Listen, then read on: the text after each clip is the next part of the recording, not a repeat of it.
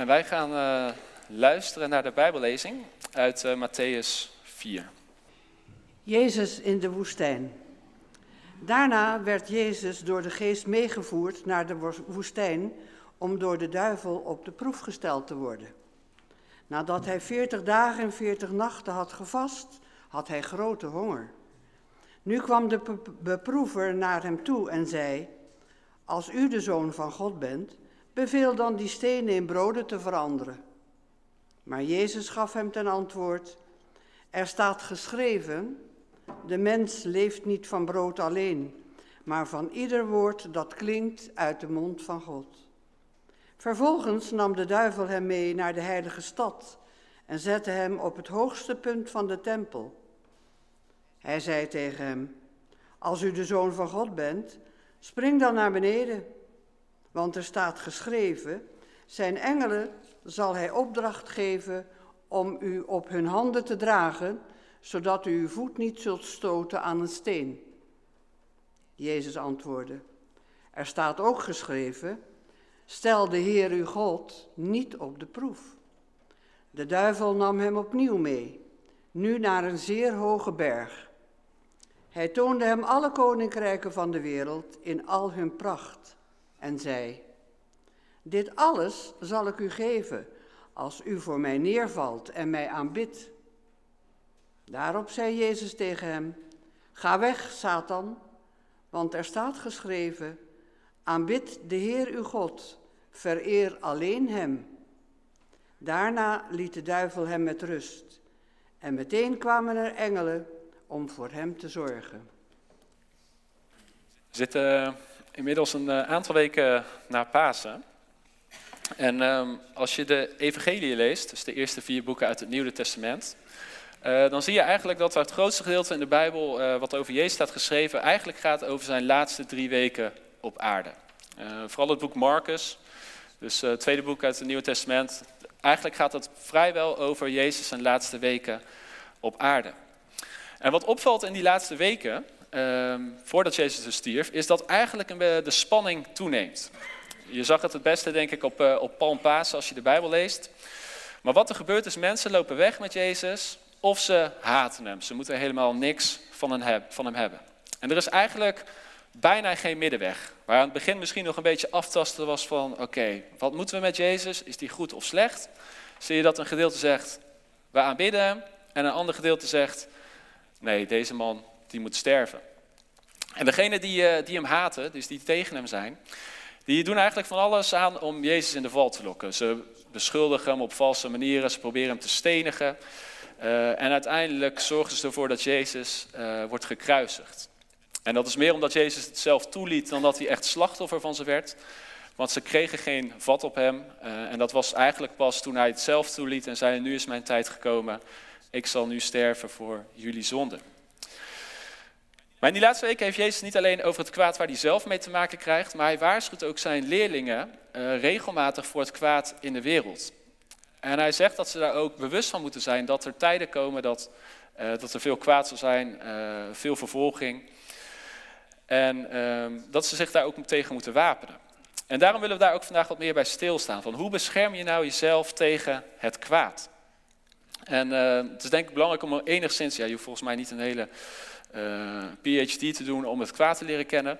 Maar om wel enigszins te weten hoe werkt het kwaad, zodat je jezelf ook tegen kan beschermen. We hebben net al gelezen uit uh, Matthäus 4. Um, over hoe Jezus eigenlijk tegen het kwaad zelf, hè, de duivel, eigenlijk zich verweert. Um, even misschien het goed om het onderscheid te maken. Als het over kwaad hebben we het vaak over drie verschillende vormen van kwaad. Er zit, ik geloof, in elk mens iets kwaads, of tenminste iets wat niet helemaal goed zit. Uh, je hebt het kwaad zelf, noem ik hem even. Uh, de duivel, het kwaad, daar kom ik straks nog op. En we hebben, laten zeggen, de wereld die gevallen is en die ook niet altijd helemaal lekker gaat. Dus meer uh, deze wereld aan zich. Maar we gaan het vooral vandaag hebben over die tweede persoon, de duivel of gevallen engelen, het kwaad. Dus niet per se over wat er allemaal in ons zelf leeft. Um, en daar wil ik over lezen uit Efeze 6. Vanaf vers, 10, vanaf vers 10 een bekend stukje over de wapenrusting. En ik lees tot en met vers 20. En daar staat: Houd stand. Ten slotte, zoek uw kracht in de Heer. in de kracht van zijn macht. Trek de wapenrusting van God aan om stand te kunnen houden tegen de listen van de duivel. Want onze strijd is niet gericht tegen mensen, maar tegen hemelse vorsten, de heersers en de machthebbers van de duisternis, tegen de kwade geesten in de hemelsferen. Neem daarom de wapens van God op, om weerstand te kunnen bieden op de dag van het kwaad. En om goed voorbereid stand te kunnen houden. Houd stand met de waarheid als gordel om uw heupen, uw, uw heupen. De gerechtigheid als harnas om uw borst.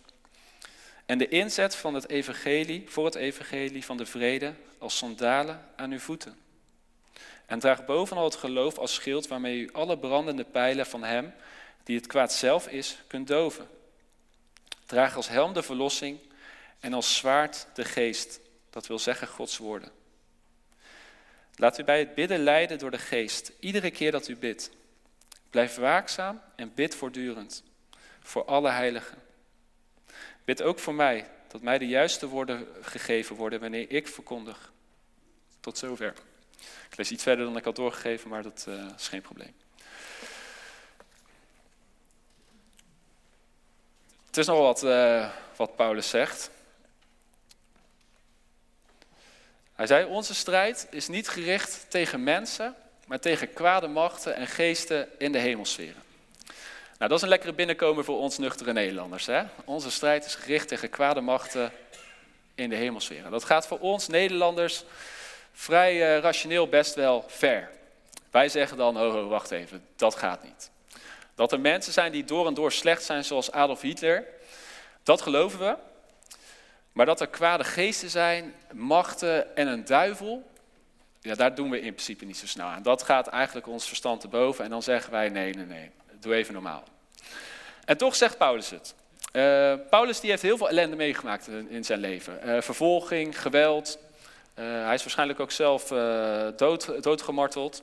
En hij heeft daar zelf in het verleden, voordat hij christen was, ook aan bijgedragen. Ook hij heeft christenen vervolgd. Maar Paulus die kent eigenlijk de mens. Die ziet wat voor kwaad er is in de wereld. En het interessante is dat Paulus dan niet zegt van houd stand tegen de listen van mensen. Maar hij zegt houd stand tegen de listen van de duivel. Niet mensen zijn de werkelijke vijand, maar eigenlijk vooral de geest die erachter zit. Het kwaad zelf. En dat is voor ons Nederlanders iets moeilijks. Wij hebben daar niet zoveel mee. Want wat moet je nou precies bij het kwaad voorstellen? En nou is het denk ik goed dat je niet gelijk het beeld krijgt van zo'n rood wezentje met een staart, hoorntjes en drietand. En dat je denkt, oké, dat is de duivel. Uh, ik geloof niet per se zo dat de duivel er zo uitziet. Maar uh, als we het over de duivel hebben en over kwade machten, dan hebben we het voornamelijk over gevallen engelen. Engelen die in opstand zijn gekomen tegen God en die, die het kwaad samen vormen. En dat zijn geen vage krachten, dat zijn geen energieën, maar dat zijn personen. We hebben net gelezen in de, in de, in Matthäus uh, dat Jezus beproefd werd door de duivel. En die sprak tot hem als een persoon. Als een persoon waar, laten we zeggen, wij één op één zo tegenover elkaar praten. Uh, kon je mee communiceren, of Jezus communiceerde daarmee. En um, ik moet eerlijk zeggen, ik heb nog nooit een duivel gezien. Ik heb nog nooit het kwaad gezien. Ik heb ook nog nooit een engel gezien. Uh, ik heb nooit de Satan over straat zien wandelen. Maar zijn doel is denk ik ook niet per se zichtbaar zijn. En hoe die eruit ziet, dat is denk ik ook niet zo belangrijk. Wat wel belangrijk is om te weten wat hij doet. C.S. Lewis, uh, schrijver van veel christelijke boeken, die zei: De duivel heeft waarschijnlijk liever niet dat je weet hoe hij eruit ziet of dat hij bestaat, want dat maakt zijn werk veel makkelijker. Als jij niet gelooft in iets, dan zul je er namelijk ook niet tegen verzetten. Uh, ik ga nu even een voorbeeldje noemen, even los van mijn mening, hè, dus helemaal los van mijn mening, want anders gaat iedereen stuiteren. Als je niet gelooft in klimaatverandering, dan verzet je er ook niet tegen, toch? Uh, even dat gehalte. En zo werkt het eigenlijk ook met de duivel. En ik ga dus even geen uh, mening geven over klimaatverandering. Maar als je ergens niet in gelooft, dan verzet je er waarschijnlijk ook niet tegen. Dus de duivel heeft niet per se iets van, nou laat ik over straat tegen iedereen laten zien wie ik ben. Want dat zou zijn werk alleen maar lastiger maken. Maar los van dus hoe die eruit ziet, is het veel belangrijker om te weten wat hij doet en wat zijn plan is. Paulus zegt, wees waakzaam voor de duivel, want hij strijdt tegen je en hij heeft een doel. En dat doel van de duivel, dat eigenlijk een beetje tussen de regels door net gelezen in Colossense 1, vers 13. We lazen het net tijdens het kindermoment. Maar daar stond Jezus heeft ons gered uit de macht van de duisternis en ons overgebracht naar het rijk van zijn geliefde zoon. En ik herhaal dat vers nog een keer. Jezus heeft ons gered uit de macht, uit de duisternis en ons overgebracht naar zijn eigen rijk. En dit is eigenlijk iets heel belangrijks. Dit is best wel essentieel vers in de Bijbel. De Bijbel zegt, er zijn twee koninkrijken. Je hebt aan de ene kant het koninkrijk van God. En aan de andere kant heb je het koninkrijk van het kwaad, van de duisternis. Het wordt ook wel het domein van de duisternis genoemd, of het domein van God. Maar in ieder geval, het zijn eigenlijk allerlei verschillende woorden voor één aanduiding, het rijk, hetgene wat God toebehoort, of hetgene wat de Satan toebehoort. En nu is het bijzondere, er is eigenlijk geen niemandsland. Hè? Het is niet zo van, oké, je hebt Gods rijk, je hebt Satans rijk, en dan hebben we nog een hele groep mensen die gewoon daartussenin zitten, denken van, nou wat zal ik eens vandaag doen? Ik ga vandaag bij God horen, of ik ga morgen ben ik weer bij die, want het komt me goed uit. Nee, je behoort het ene rijk toe, of je behoort het andere rijk toe. En de duivel, eigenlijk is zijn doel is heel makkelijk. Uh, hij wil dat jij tot zijn rijk behoort. Een rijk wat dood en ellende veroorzaakt, wat geen leven voortbrengt. En hetgene wat hij eigenlijk wil, is jou uit dat rijk van God naar zijn rijk overhevelen. En hoe doet hij dat dan? Nou, ik geloof dat hij dat niet per se doet door allerlei rare manifestaties. Dat hij bij wijze van spreken morgen aan je deur aanklopt en jou dan gaat kwellen. Maar ik geloof dat de duivel veel uh, subtieler is in hoe hij werkt. Um, de duivel die werkt voornamelijk met leugens en met ideeën. En nu is denk ik een heel belangrijk iets. De duivel die dwingt helemaal niemand op tot zijn rijk te behoren. Het is niet zo dat hij zegt van jij moet nu tot mijn rijk behoren. Maar hij verleidt je tot zijn rijk. Dus hij dwingt je niet, maar hij verleidt je om zelf die stap te nemen van hé, hey, dit is een goede plek om te zijn. Om te zijn. Ehm, de beamer mag wel even naar voren komen, uh, of aangezet worden. Ik heb een, uh, een heel mooi plaatje van Adam en Eva. We hebben het hier ook over gehad bij uh, Follow Me, bij uh. Je ziet hier Adam en Eva met de slang. De slang uh, personificeert het kwaad. En eigenlijk is Adam en Eva een perfect voorbeeld hè, van hoe de duivel werkt. De duivel zei niet tegen Eva, jij moet nu bij mij rijk horen, nu ben je van mij. Nee, hij verleidde haar eigenlijk van het rijk van God naar het rijk van het kwaad. Zij maakte dezelfde keuze, Adam maakte daarna dezelfde keuze van, hey, ik kies liever voor wat die slang zegt, dan dat ik God gehoorzaam ben. En dat is wat uh, Satan doet. Hij verleidt mensen en ons. En hij brengt ons op ideeën, op gedachten. En wij geven daar zelf dan een bepaalde eh, uitvoering aan. En waarom is dat nou zo gevaarlijk? Uh, die leugens van de Satan zijn zo gevaarlijk omdat ze zo tricky zijn. In de zin van, uh, om twee redenen eigenlijk, twee redenen. Ten eerste, ze spreken altijd heel erg aan tot onze verlangens. De duivel zegt dingen die wij eigenlijk graag willen horen, maar die niet goed zijn. Um, net zoals met e- Eva, hè, hij verleidt haar tot die appel. Het was nou niet dat Eva dacht, appel, vrucht, ik moet even bij ons correct zijn, maar in ieder geval een vrucht. Uh, hij verleidde haar niet met iets wat, wat er niet uitzag. Uh, zij, zij zag die, die vrucht, die vond ze verleidelijk en hij speelt er eigenlijk op in. Van waarom eet je die niet? Hij pakt je nooit natuurlijk op iets waar je helemaal geen zin in hebt. Dus hij sluit aan eigenlijk bij jouw verlangens. En het probleem is, dat zei ik net al eventjes, onze verlangens zijn aan zich ook niet altijd even goed. Dus ik zei, het kwaad zit eigenlijk in drie dingen. Je hebt het kwaad zelf, hè, de duivel. Uh, je hebt het kwaad wat een beetje in ons zit. En je hebt dan nog de wereld. En wat de Satan doet, is dat hij af en toe ook een beetje inspeelt op die verleidingen die in ons hart heersen. En hij probeert dan ons eigenlijk een beetje op ideeën te brengen waarin we zelf onze eigen weg gaan. En waarin we dan denken, nou, dit is eigenlijk wel beter voor mijzelf dan wat God zegt. Tweede ding is, met die leugens, is dat ze heel dicht bij de waarheid zitten. En dat, uh, dat kunnen we heel mooi lezen in Matthäus 4. Uh, eh, de duivel komt niet met dingen aanzeggen die je denkt, ja toch, dat is totaal niet waar, zo stom ben ik niet. Uh, de duivel komt met ideeën, leugens, gedachten, die 90% bij wijze van spreken waar zijn. En waar 10% leugen in zit en waardoor het daardoor soms een hele goede optie lijkt. We hebben dat gelezen over Jezus in de woestijn. En het is eigenlijk een perfect voorbeeld van hoe de duivel werkt. Jezus in de woestijn om beproefd te worden. En hij heeft 40 dagen niet gegeten. En dan staat er dat de duivel hem probeert te verleiden. En wat eigenlijk hier doet, is wat hij probeert te doen wat in Colossense staat. Je hebt een rijk van de duisternis, je hebt het rijk van God. Jezus kwam om het rijk van God te brengen. En eigenlijk wat de duivel hier doet, is proberen om Jezus over te hevelen van dat, zijn eigen rijk naar zijn rijk, naar het rijk van de Satan. Dus hij probeert eigenlijk nu Jezus voor zich te winnen. Dat is het hele doel van die beproeving. En uh, de duivel, en dat is ook misschien wel interessant om te weten, je hoort hier de verschillende namen van, de, van het kwaad voorbij komen. Het begint met de duivel, de grote beproever of de verleider. En vervolgens wordt hij de Satan genoemd. Allemaal verschillende woorden voor één en dezelfde persoon. Maar hij begint dus Jezus te verleiden. En uh, Jezus is een man. En als je een man bent, heb je één grote verleiding en dat is eten. Dus daar begint hij mee. Hij begint met eten en hij begint heel subtiel. Jezus heeft dus 40 dagen niet gegeten. En dan heeft Jezus ontzettende honger. Uh, ik ken niemand die uh, eh, 40 dagen niet heeft gegeten, maar volgens mij heb je dan bijna geen energie meer. Je snakt naar eten. En wat de duivel zegt is van, hé, hey, Jezus, je hebt toch honger? Er ligt daar een steen. Kun je die niet gewoon veranderen in een brood? Hij probeert op zijn gedachten in te werken van, jij hebt toch honger? Waarom neem je dat niet? Jij verdient toch wat te eten? Kijk hoe goed je al bezig bent. Je, je hebt God niet nodig, jij hebt brood nodig. Neem dat brood, lekker, geniet je van. En wellicht herken je misschien, uh, als je dit ziet, 40 dagen, brood, woestijn, herken je de gedachten uh, van Israël in de woestijn, 40 jaar. Ze lopen de woestijn en het eerste wat ze beginnen te doen is klagen over eten. En ze beginnen, we hebben geen eten, we gaan hier dood, dit en dat.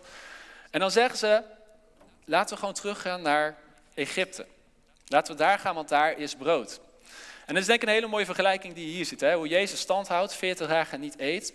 En zegt, ik neem dat brood niet, want dat brengt me in jouw macht. Terwijl Israël uh, in de woestijn toen zei, geef ons maar dat brood. Dan zijn we maar slaven van de Egyptenaren. Dus we zijn niet meer vrij. Maar dan hebben we in ieder geval wat te eten. Dus de duivel probeert iets heel kleins te geven. Een soort van instant gratification. Hè? Van gelijk heb je wat je wil. Brood, honger, nu verzadigd. Maar je raakt daardoor wel je vrijheid kwijt. En dan gaat de duivel weer verder en zegt hij... Jezus, jij bent een Gods zoon. Waarom spring je niet naar beneden van de tempel? Eigenlijk een beetje Jezus uitdagen. Laat eens zien dan hoeveel kracht je hebt. Ben je wel echt Gods zoon? Moet maar zien of het echt zo is dat jij echt als je naar beneden springt door God wordt gedragen. En dan reageert Jezus van je zult God niet op de proef stellen. En die, die liet zich niet onzeker maken van wie die is. Hij liet zich ook niet uitdagen. Maar hij was heel sterk. Hij doorzag de leugens van de duivel. Want de duivel haalde notabene zelf een bijbeltekst aan om Jezus naar beneden te laten springen van een berg, of van, van de tempel. En dan tot slot, ik denk dat dit de grootste verleiding was. Dan neemt, Jezus, eh, of neemt de duivel Jezus mee naar een, eh, een hoge berg. En dan zegt hij, deze hele wereld, die behoort mij toe. Nou weet ik niet of dat een leugen was, of dat dat 90% waar was en 10%, maar daar gaat het niet om. Maar wat hij zegt is, Jezus, jij mag alles hebben als jij je voegt in mijn rijk. Dus jij mag alles hebben wat je wil als je maar voor mij buigt. En ik geloof dat dit voor Jezus best wel een verleidelijke oplossing zou zijn geweest. Want hij geeft een macht. En ik denk dat het niet eens zozeer om de macht zelf is, maar de makkelijke oplossing die Jezus wordt geboden. Dus zoals ik net al zei, Jezus naar de aarde gekomen om zijn rijk te brengen. En nu zegt eigenlijk de Satan van, joh, jij mag al die mensen hebben. Tuurlijk, breng ze naar jouw rijk, prima, maar jij buigt wel voor mij. En het is dit, dus buigen voor de Satan of de andere optie, en dat was sterven aan het kruis. Dus ik kan me voorstellen dat voor Jezus misschien wel een dilemma is geweest van, zal ik buigen? En toch zegt Jezus, en dat is het mooie, hè, van hij is zonder zonde, hij is zo gehoorzaam en hij is zo trouw, dat hij zegt, ga weg van mij Satan, want jij spreekt alleen maar leugens uit.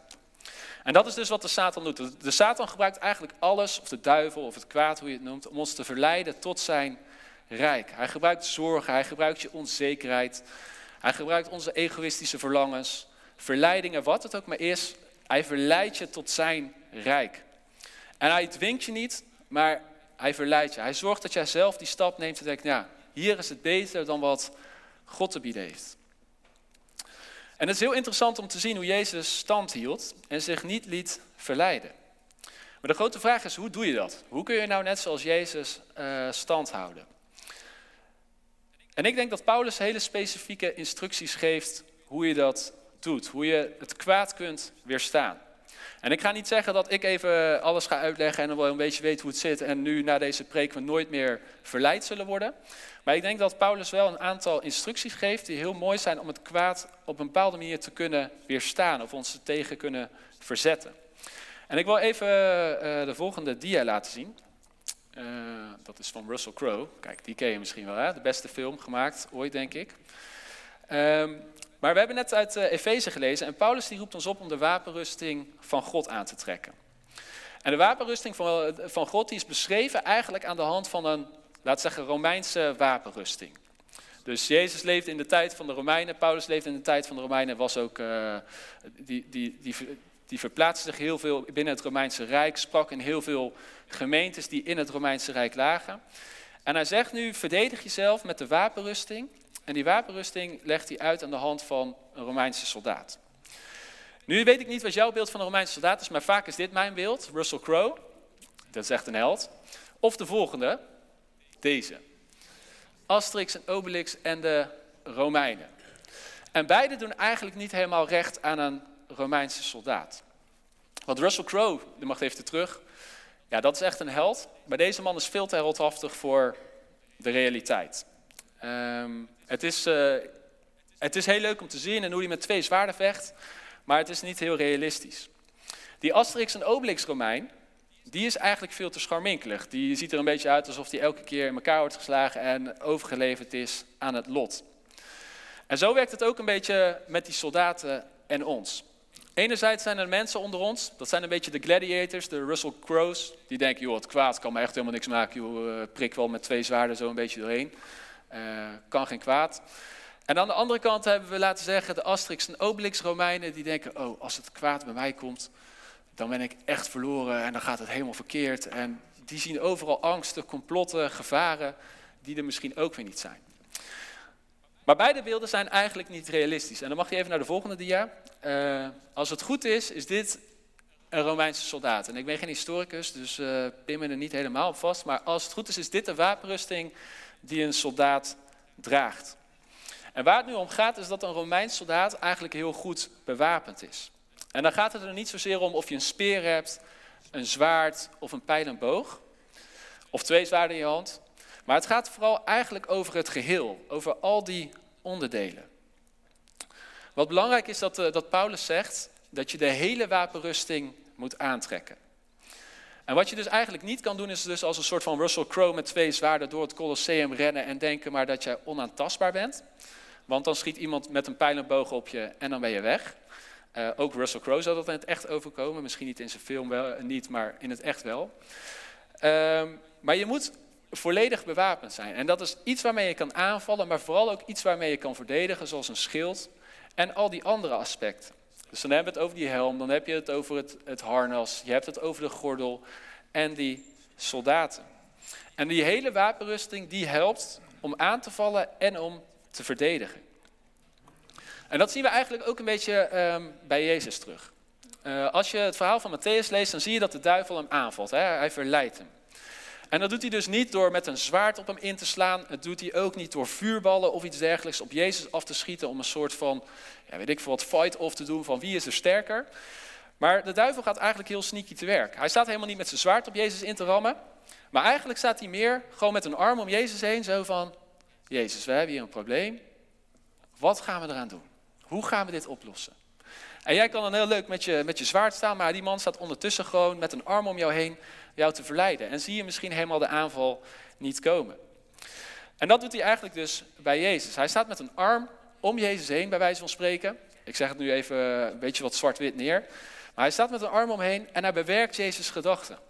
Waarom eet je niet gewoon een brood? Waarom neem je niet gewoon een makkelijke oplossing? Buig je niet voor mij, mag je al die mensen hebben. Prima. En als je dan heel mooi met twee zwaarden in je hand staat, maar je staat niet met een helm op, dan ga je er eigenlijk aan in die zin. Uh, Efeze 6 schrijft heel mooi, in de, in de Bijbel in gewone taal, is even een andere vertaling. Vertrouw erop dat God je zal redden. Want dat vertrouwen beschermt je als een helm in de strijd. Dus die helm staat niet per se symbool voor dat, uh, dat als wij niet letterlijk een helm dragen, dat dan de Satan met een zwaard op ons hoofd staat te meppen. Maar die staat eigenlijk vooral voor dat jij met een helm je gedachten beschermt. Want je wordt niet alleen aangevallen met pijlen, maar je wordt ook misschien aangevallen met gedachten, met uh, ideeën die misschien heel leuk klinken. En zo zie je ook hoe, uh, hoe, belangrijk het is om die hele wapenrusting te dragen. Een ander aspect, wat hier denk ik uh, belangrijk naar voren kwam, is de gordel van de waarheid. We lezen heel vaak eroverheen, maar we lezen dat we een schild moeten dragen. We lezen dat we een zwaard of, of iets dergelijks moeten dragen. Misschien herinner je ook nog wel het harnas. Maar Paulus zegt ook, draag de gordel van de waarheid om je heupen. En ik denk dat als je naar Jezus kijkt, dat Jezus een heel duidelijk onderscheid kon maken tussen wat is waarheid en wat is leugen. En zo geldt het eigenlijk denk ik ook een beetje voor ons. Wij kunnen weer met een zwaard in onze hand staan, we kunnen met een schild op ons arm staan. Maar als we de waarheid, als we die gordel een beetje laten afzakken, of hij gaat steeds losser zitten en hij valt een keer af, dan draag je de waarheid niet meer met je mee en ben je veel vatbaarder voor je vijand. En dat zie je eigenlijk ook uh, in ons leven, denk ik, gebeuren. Um, heel concreet voorbeeld. Uh, als je de gordel van de waarheid wilt dragen, dan moet je ook ergens een bepaalde manier waarheid zoeken. Nou, ik geloof dat de waarheid een persoon is. Jezus is de waarheid. Maar als we het hebben over andere manieren van waarheid zoeken, geloof ik dat we in de kerk de waarheid horen. Dat je in de Bijbel de waarheid leest. En als je dan bijvoorbeeld wegblijft uit kerkdiensten, of je leest je Bijbel niet regelmatig, uh, en je zit de hele dag alleen maar op internet, ja, dan zakt als het ware een beetje die gordel af, steeds, langer, steeds, uh, steeds meer. En dan word je ook vatbaarder voor leugens en voor andere ideeën. En ik denk dat het voor ons heel belangrijk is dat we ook heel goed opletten van, hey, heb ik een plek waar ik nog waarheid hoor? Of laat ik me alleen maar in op internet met mensen en dingen die alleen maar verkondigen wat ik wil horen en die mij alleen maar bevestigen in mijn verkeerde ideeën? Word ik nog gecorrigeerd door anderen? Is er een plek waar mensen mij kunnen vertellen: hey, Steven, wat jij doet, volgens mij klopt dat niet? Of ga je niet het verkeerde pad op? En daarom is het ook belangrijk dat je dus zo'n gordel van de waarheid draagt. En wat ik mooi vond aan het, uh, aan het fotootje, mag wel even terug, van de, de, hele wapenrusting, is dat je op een gegeven moment ook uh, die soldaten allemaal bij elkaar ziet staan. Hè? Uh, dit was een bepaalde, volgens mij, aanvalstechniek of een verdedigingstechniek van de Romeinen. En als zij op deze manier voort marcheerden, waren ze eigenlijk heel erg sterk. Want die schilden beschermden elkaar. Maar ze moesten wel dicht bij elkaar blijven. Wanneer ze dicht bij elkaar bleven, elkaar konden corrigeren, elkaar konden aanmoedigen, elkaar konden terechtwijzen als het even niet goed ging, dan waren ze een heel sterk front wat eigenlijk onverslaanbaar was. En dat is denk ik ook voor ons belangrijk. Uh, als we die waarheid, die gordel willen dragen, uh, dan is het goed om zelf die Bijbel te lezen. Dat raad ik je ook van harte aan. Maar het is ook goed om met elkaar te lezen, voor elkaar te bidden. Ook die waarheid over elkaar uit te spreken. Dus zo zie je eigenlijk maar dat twee dingen die misschien niet zo belangrijk lijken. Een helm, en dus misschien dat je denkt, nou die vind ik nog wel belangrijk, maar dat je die gordel denkt, ja kun je wel zonder. Dat die eigenlijk essentieel zijn voor een wapenrusting. En ik denk dat dat voor ons ook hele belangrijke elementen zijn. Um, zoals ik net zei, de duivel die verleidt ons. Hij gaat niet met ja, aankloppen aan je deur, je kwellen, uh, dat soort gekkigheid. Maar hij verleidt je tot allerlei dingen. En het gevaar is, en dat is het probleem van ons eigen leven, is dat wij soms niet eens weten wat waarheid en wat leugens zijn.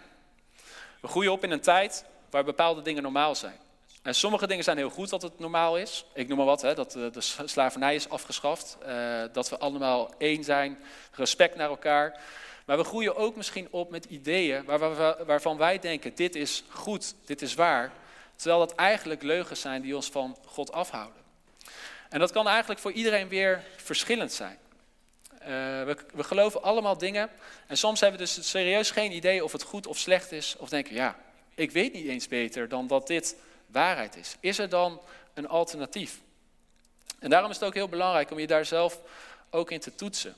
Uh, dat je weet van, oké, ik word op een of andere manier verleid. Dingen die tegen mij worden gezegd of mijn gedachten, die komen niet altijd van God, maar waar komen ze dan wel vandaan? En Jezus werd heel specifiek verleid, uh, maar ik geloof dat wij ook te maken kunnen krijgen met verleiding. Uh, het internet biedt oneindige mo mogelijkheden hè? Uh, op het gebied van verleiding, als je het hebt over pornografie. Het biedt ook verleiding op, uh, op geld verdienen op oneerlijke wijze. het andere vernederen. Er zijn allerlei manieren hoe wij eigenlijk op ideeën of op gedachten of verleidingen worden gebracht die ons wegtrekken van God en naar een ander rijk brengen. En ik denk dat het heel goed is om jezelf even de vraag te stellen van hoe zit het nou met mijn wapenrusting. En we gaan niet die hele wapenrusting nu behandelen, want daar hebben we niet de tijd voor. Maar zijn er elementen die, die ontbreken? Ehm, is dat schild, is dat kapot? Is je geloof kapot? Ehm, draag je geen waarheid met je mee? Heb je die helm niet op? Bescherm je je gedachten niet? Het is goed om voor jezelf na te gaan van waar liggen bij mij de gevaren? Waar ligt bij mij de verleiding? En hoe kan ik me daar tegen wapenen? En ik wil daarmee ook afsluiten met dat gebed, dat we ook onszelf mogen wapenen. Want we mogen ook weten hoe slecht we ervoor staan. Uh, misschien zijn we wel een beetje als die Asterix en Obelix Romein. Uh, we hebben een aanvoerder, Jezus, uh, die de dood heeft overwonnen. Die het raak van de Satan al heeft verslagen. Uh, die de Satan al heeft verslagen. Dus je mag ook weten dat als jij bij God hoort, dat hij jou ook de kracht geeft om het kwaad te weerstaan. En ik, ik wil eigenlijk graag bidden dat wij onszelf niet gek maken om onszelf te verleiden om naar een ander rijk te gaan. Maar dat ons hart op God gericht mag zijn. Dat we mogen weten dat Jezus de Heer is over leven, al op aarde. En dat we ook zo steeds meer uh, die wapenrusting mogen gaan dragen. Dus laten we een moment stil worden om te bidden en ons hart op God te richten. Vader God in hemel, dank u wel dat we u mogen kennen. Dat uh, uw Zoon Jezus Christus de waarheid zelf is. En dat wat hij spreekt waarheid is. En Vader God, we zijn dankbaar dat wij deel mogen zijn van het rijk van uw geliefde Zoon. Een rijk waar leven is, waar vrede is en waar we mogen zijn zoals we bedoeld zijn. En Heer, tegelijkertijd roept u ons op om ons te wapenen tegen het kwaad in deze wereld. Tegen het kwaad wat probeert ons te verleiden om uw rijk achter ons te laten en in dat rijk van de duisternis te gaan wonen. En Heer, we hebben gelezen, gezien in de Bijbel hoe, ja, subtiel dat soms gaat. Hoe we door bepaalde gedachten, door bepaalde ideeën, door leugens verleid worden om tot een ander rijk te behoren.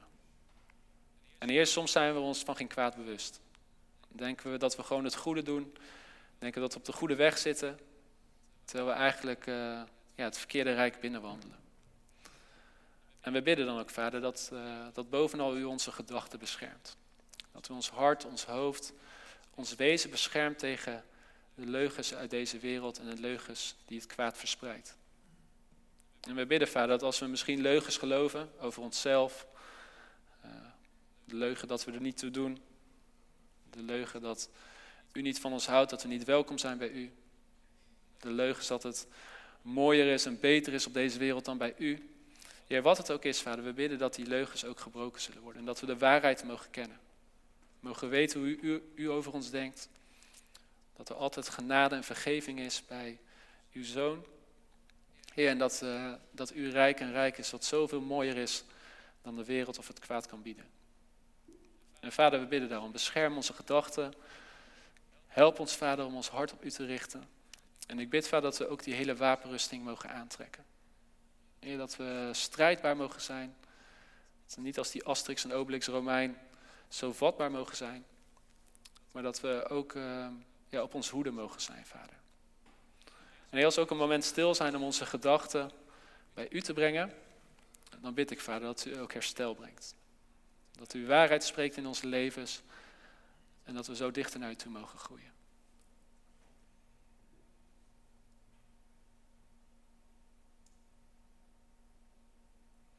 Vader, vernieuw ons hart.